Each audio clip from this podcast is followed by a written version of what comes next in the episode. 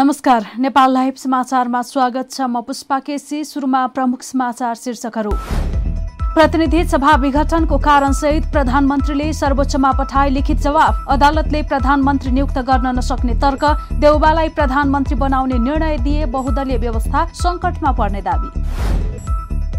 जोसपाको आधिकारिकता विवाद उपेन्द्र बाबुराम पक्षका सबै कार्यकारिणी समिति सदस्य निर्वाचन आयोग जाने ओली सरकारमा सहभागी नौ मन्त्रीलाई पार्टीबाट निष्कासन गर्ने निर्णय।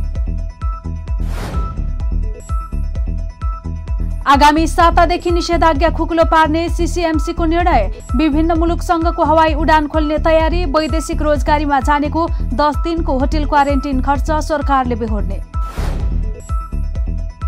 अमेरिकी राष्ट्रपति बाइडेन र रुसी राष्ट्रपति पुटिन बीच भेटवार्ता परमाणु अस्त्र नियन्त्रणबारे छलफल आरम्भ गर्न दुवै पक्षको सहमति एक अर्काका देशमा राजदूतहरू पठाउने। र युरोकप फुटबलमा आज समूह चरणका तीन खेल हुँदै पहिलो खेलमा युक्रेन र नर्थ म्यासेडोनिया दोस्रोमा डेनमार्क र बेल्जियम तेस्रो खेलमा नेदरल्यान्ड्सले अस्ट्रियाको सामना गर्दै। अब समाचार विस्तारमा।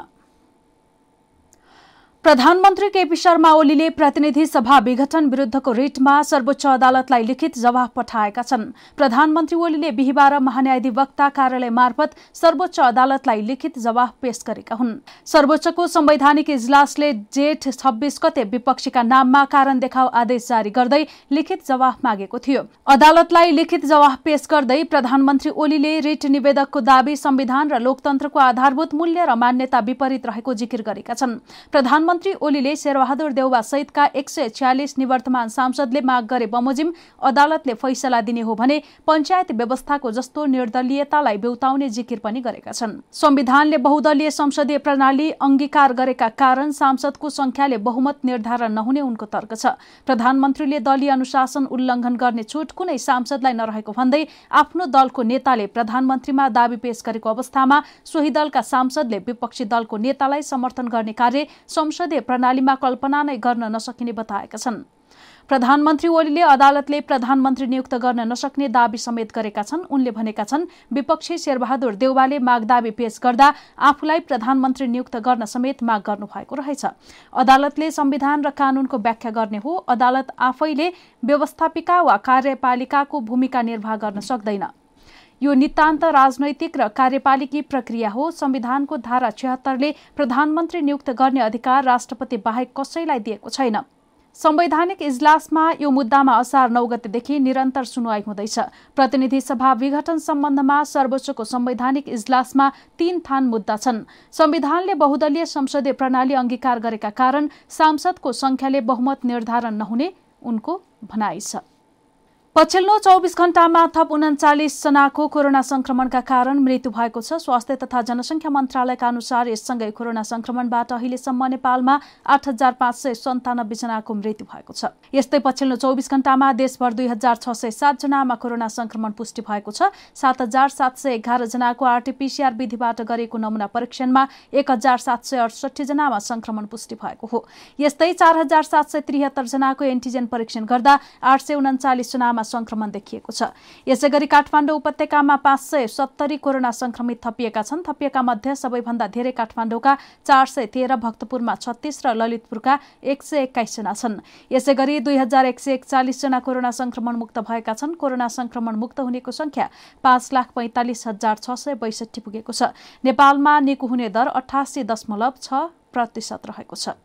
विपक्षी गठबन्धन आबद्ध राजनीतिक दलले बाढी पहिरो र डुबान पीड़ितको उद्धार र राहतको काम प्रभावकारी बनाउन सरकारसँग माग गरेका छन्। बिहिबार संयुक्त विज्ञप्ति जारी गर्दै उनीहरूले बाढी पहिरो र डुबानबाट जनताको सुरक्षा गर्न पीड़ित जनता र विस्थापितहरूका लागि तत्काल आवास खाद्यान्न मृतकका परिवारलाई सहयोग घाइतेहरूको उपचार लगायतका उद्धार र राहतका काम प्रभावकारी रूपमा अगाडि बढाउन सरकारसँग माग गरेका हुन्।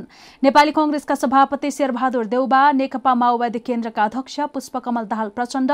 नेकपा एमालेका वरिष्ठ नेता माधव कुमार नेपाल जनता समाजवादी पार्टी जसपाका अध्यक्ष उपेन्द्र यादव र राष्ट्रिय जनमोर्चाका उपाध्यक्ष दुर्गा पौडेलले संयुक्त रूपमा जारी गरेको विज्ञप्तिमा सरकार प्राकृतिक विपत्तिको सामना गर्ने कुनै पूर्व तयारी नगरी गैर जिम्मेवार बनेको टिप्पणी गरेका छन्। गठबन्धनले इमान्दारी तदारुकता र पारदर्शी रूपमा राज्यका सम्बन्धित सबै निकाय तथा साधन र स्रोतको पूर्ण परिचालन गरी विपद व्यवस्थापनको कार्यलाई अघि बढाउन आग्रह गरेको छ। साथै यस्तो गम्भीर प्राकृतिक विपत्तिको समयमा उद्धार र राहतका क्रियाकलापमा आफ्ना स्थानबाट सहयोग पुर्याउन सम्पूर्ण पार्टी कार्यकर्ता तथा संघ संस्थाहरूलाई आह्वान गरिएको छ। जनता समाजवादी पार्टीको बाबुराम भट्टराई र उपेन्द्र यादव पक्ष फेरि निर्वाचन आयोग जाने भएको छ जसपाको आधिकारिकता दावी गर्दै बाबुराम उपेन्द्र पक्षका सबै कार्यकारिणी समिति सदस्य निर्वाचन आयोग जाने भएका हुन्। आधिकारिकता दावी गर्दै आइतबार आयोग जाने निर्णय भएको एक कार्यकारिणी सदस्यले बताए बिहिबार बाबुराम उपेन्द्र पक्षको कार्यकारिणी समितिको बैठक बसेको थियो। हाम्रो पार्टीभित्र भएका केही बहस विवादको सम्बन्धमा हल गर्नलाई हामीले जुन विषय उठाएका थियौँ। त्यसलाई कानुनको चाहिँ अर्कै प्रावधान अन्तर्गत आउँदा उपयुक्त हुन्छ भन्ने ढाँचामा सुझाव सल्लाह आएको हुनाले हामीले फेरि निर्वाचन आयोगमा हाम्रो पार्टीमा केही व्यक्तिहरूले जुन विवाद सिर्जना गरेका छन् त्यसको निरूपणको निम्ति पार्टीको आधिकारिकताको टुङ्गो लगाउनलाई निर्वाचन आयोगमा फेरि प्रस्तुत हुने भन्ने हामी निर्णय गरेका छौँ।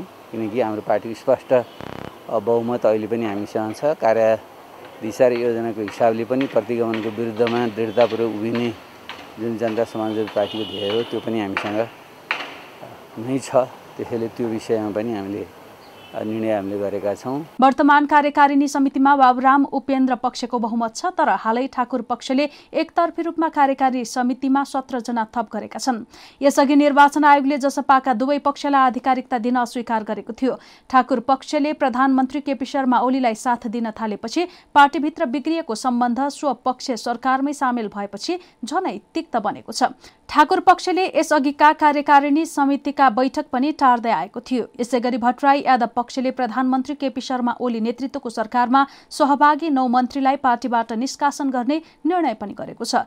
बिहिबार बसेको जसपाको केन्द्रीय कार्यकारिणी समितिको बहुमत सदस्य उपस्थित बैठकले उनीहरूलाई पार्टीबाट निष्कासन गर्ने निर्णय गरेको हो। जसपाले यसअघि उनीहरूलाई साथ दिने स्पष्टीकरण सोधेको थियो। आफूलाई सामाजिक अभियन्ता दावी गर्ने ज्वाला संग्रौला र उनको समूहले प्रहरी सहायक निरीक्षक मणिकान्त झा विरुद्ध दिएको रंगभेदी अभिव्यक्तिको छानबिन शुरू भएको छ। मधेसी आयोगमा बुधबार संग्रौलाको अभिव्यक्ति विरुद्ध उजुरी परेपछि घटनाको छानबिन शुरू भएको हो। आयोगले यस घटनाको बारेमा प्रहरी प्रधान कार्यालयलाई समेत जानकारी गराइसकेको छ। नेपाल प्रहरीका प्रवक्ता तथा एसएसपी वसन्त कुवरले आयोगबाट अनौपचारिक रूपमा जानकारी आइसकेको र लिखित जानकारी आएपछि छानबिन शुरू गरिने नेपाल लाइभलाई जानकारी दिए। बुधबार आयोगमा दर्ता भएको उजुरीको दर्ता नम्बर एक सय त्रियासी रहेको आयोगका अध्यक्ष विजय कुमार दत्तका स्वकीय सचिव दिपेन्द्र कुमार यादवले बताएका छन्। उनको अभिव्यक्तिप्रति गम्भीर आपत्ति रहेको जनाउँदै उजुरी दर्ता भएको थियो।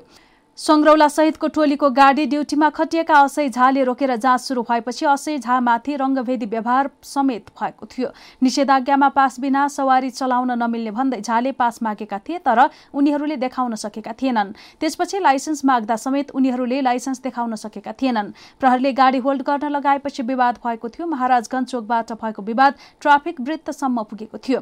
प्रहरी कार्यालयमा सङ्ग्रौलाको टोलीले असैको नाम सोधेपछि उनले आफ्नो नाम मणिकान्त झा भएको भएको बताएका थिए। त्यसपछि सङ्ग्रौला सहितको टोलीले रङ्गभेद हुने शब्द प्रयोग गर्दै दुर्व्यवहार गरेका थिए। काठमाडौँ उपत्यकामा जारी निषेधाज्ञा आगामी सातादेखि खुकुलो हुने भएको छ। बुधबार राति सम्पन्न कोविड नाइन्टिन व्यवस्थापन निर्देशक समितिको बैठकले अत्यावश्यक वस्तु उत्पादन र आपूर्ति सहित स्मार्ट लकडाउनतर्फ जाने निर्णय गरेको हो।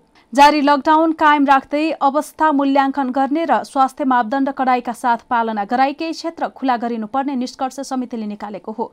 सरकारले नेपाली श्रमिक संख्या धेरै रहेका मुलुकको हवाई उडान पुनः शुरू गर्ने निर्णय पनि गरेको छ। प्रधानमन्त्री एवं समितिका अध्यक्ष केपी शर्मा ओलीको अध्यक्षतामा प्रधानमन्त्री निवास बालुवाटारमा राति अबेरसम्म बसेको बैठकले Turkey Qatar Saudi Arabia UAE Japan र मलेसिया जस्ता देशमा हवाई उडान पुनः सञ्चालन गर्ने निर्णय समेत गरेको छ। यी देशहरूबाट सातामा दुई जना यात्रुभन्दा नबढ्ने गरी हवाई उडान सञ्चालन हुनेछन्। यस्तै वैदेशिक रोजगारीमा जानेलाई दस दिनको होटल क्वारेन्टिन खर्च उपलब्ध गराउने कोविड नाइन्टिन व्यवस्थापन निर्देशक समितिले निर्णय गरेको छ। समितिको बुधबार बसेको बैठकले वैदेशिक रोजगारीमा जाँदा होटलमा देशमा क्वारेन्टाइनमा बस्न नसक्ने कामदारका लागि सहयोग रकम उपलब्ध गराउने निर्णय गरेको हो। निर्णयसँगै पन्ध्र दिन बस्नुपर्ने क्वारेन्टाइनका लागि दस दिनसम्मको खर्च सरकारले व्यवस्थापन गर्नेछ। बैठकले सिसिएमसी केन्द्रको प्रशासनिक कार्यका लागि बजेट व्यवस्था गर्ने तथा निर्माण क्षेत्र र अत्यावश्यक उद्योगलाई स्वास्थ्य मापदण्ड पालनाका साथ खोल्न दिने निर्णय समेत गरेको छ।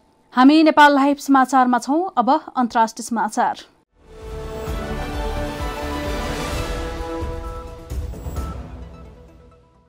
अमेरिकी राष्ट्रपति जो बाइडन र रुसी राष्ट्रपति भ्लादिमिर पुटिन बीच जेनेभामा झण्डै तीन घण्टा भेटवार्ता भएको छ तर सन् दुई हजार अठार यता भएको पहिलो प्रत्यक्ष भेटवार्तामा दुई नेताहरूले खासै ठोस प्रगति कायम गर्न नसकेको बताइएको छ। अमेरिकी राष्ट्रपति जो बाइडनले फरक मतहरू प्रस्तुत गरिएको उल्लेख गर्दै रुसले नयाँ शीत युद्ध नचाहेको बताएका छन्। रुसी राष्ट्रपति भ्लादिमिर पुटिनले बाइडन अनुभवी राजनेता भएको उल्लेख गर्दै दुवैले समान धारणा राखेको बताए। बाइडनले रुससँग सम्बन्ध सुधारको वास्तविक सम्भावना अहिले अहिले देखा परेको बताएका छन्। रुसी नेताका लागि बाइडनले आफूलाई मनपर्ने एभिएटर चस्मा उपहार स्वरूप लिएर आएका थिए। पुटिनले बाइडनलाई उपहार दिए वा दिएनन् प्रष्ट भइसकेको छैन। सन् दुई हजार अठारमा हेलसिन्कीमा राष्ट्रपति डोनाल्ड ट्रम्पलाई भेट्दा उनले फुटबल उपहार दिएका थिए। दुवै पक्षले परमाणु अस्त्र नियन्त्रणबारे छलफल आरम्भ गर्न सहमति जनाएका छन्। उनीहरूले एक अर्काका देशमा राजदूतहरू पठाउने पनि निर्णय गर्ने छन्। सन् दुई हजार बिसको राष्ट्रपति चुनावमा रुसले हस्तक्षेप गरेको आरोप अमेरिकाले लगाएपछि दुवै देशहरूले छलफलका लागि भन्दै आफ्ना राजदूत फिर्ता बोलाएका थिए। नेपाल लाइभ समाचारमा अब खेल समाचार।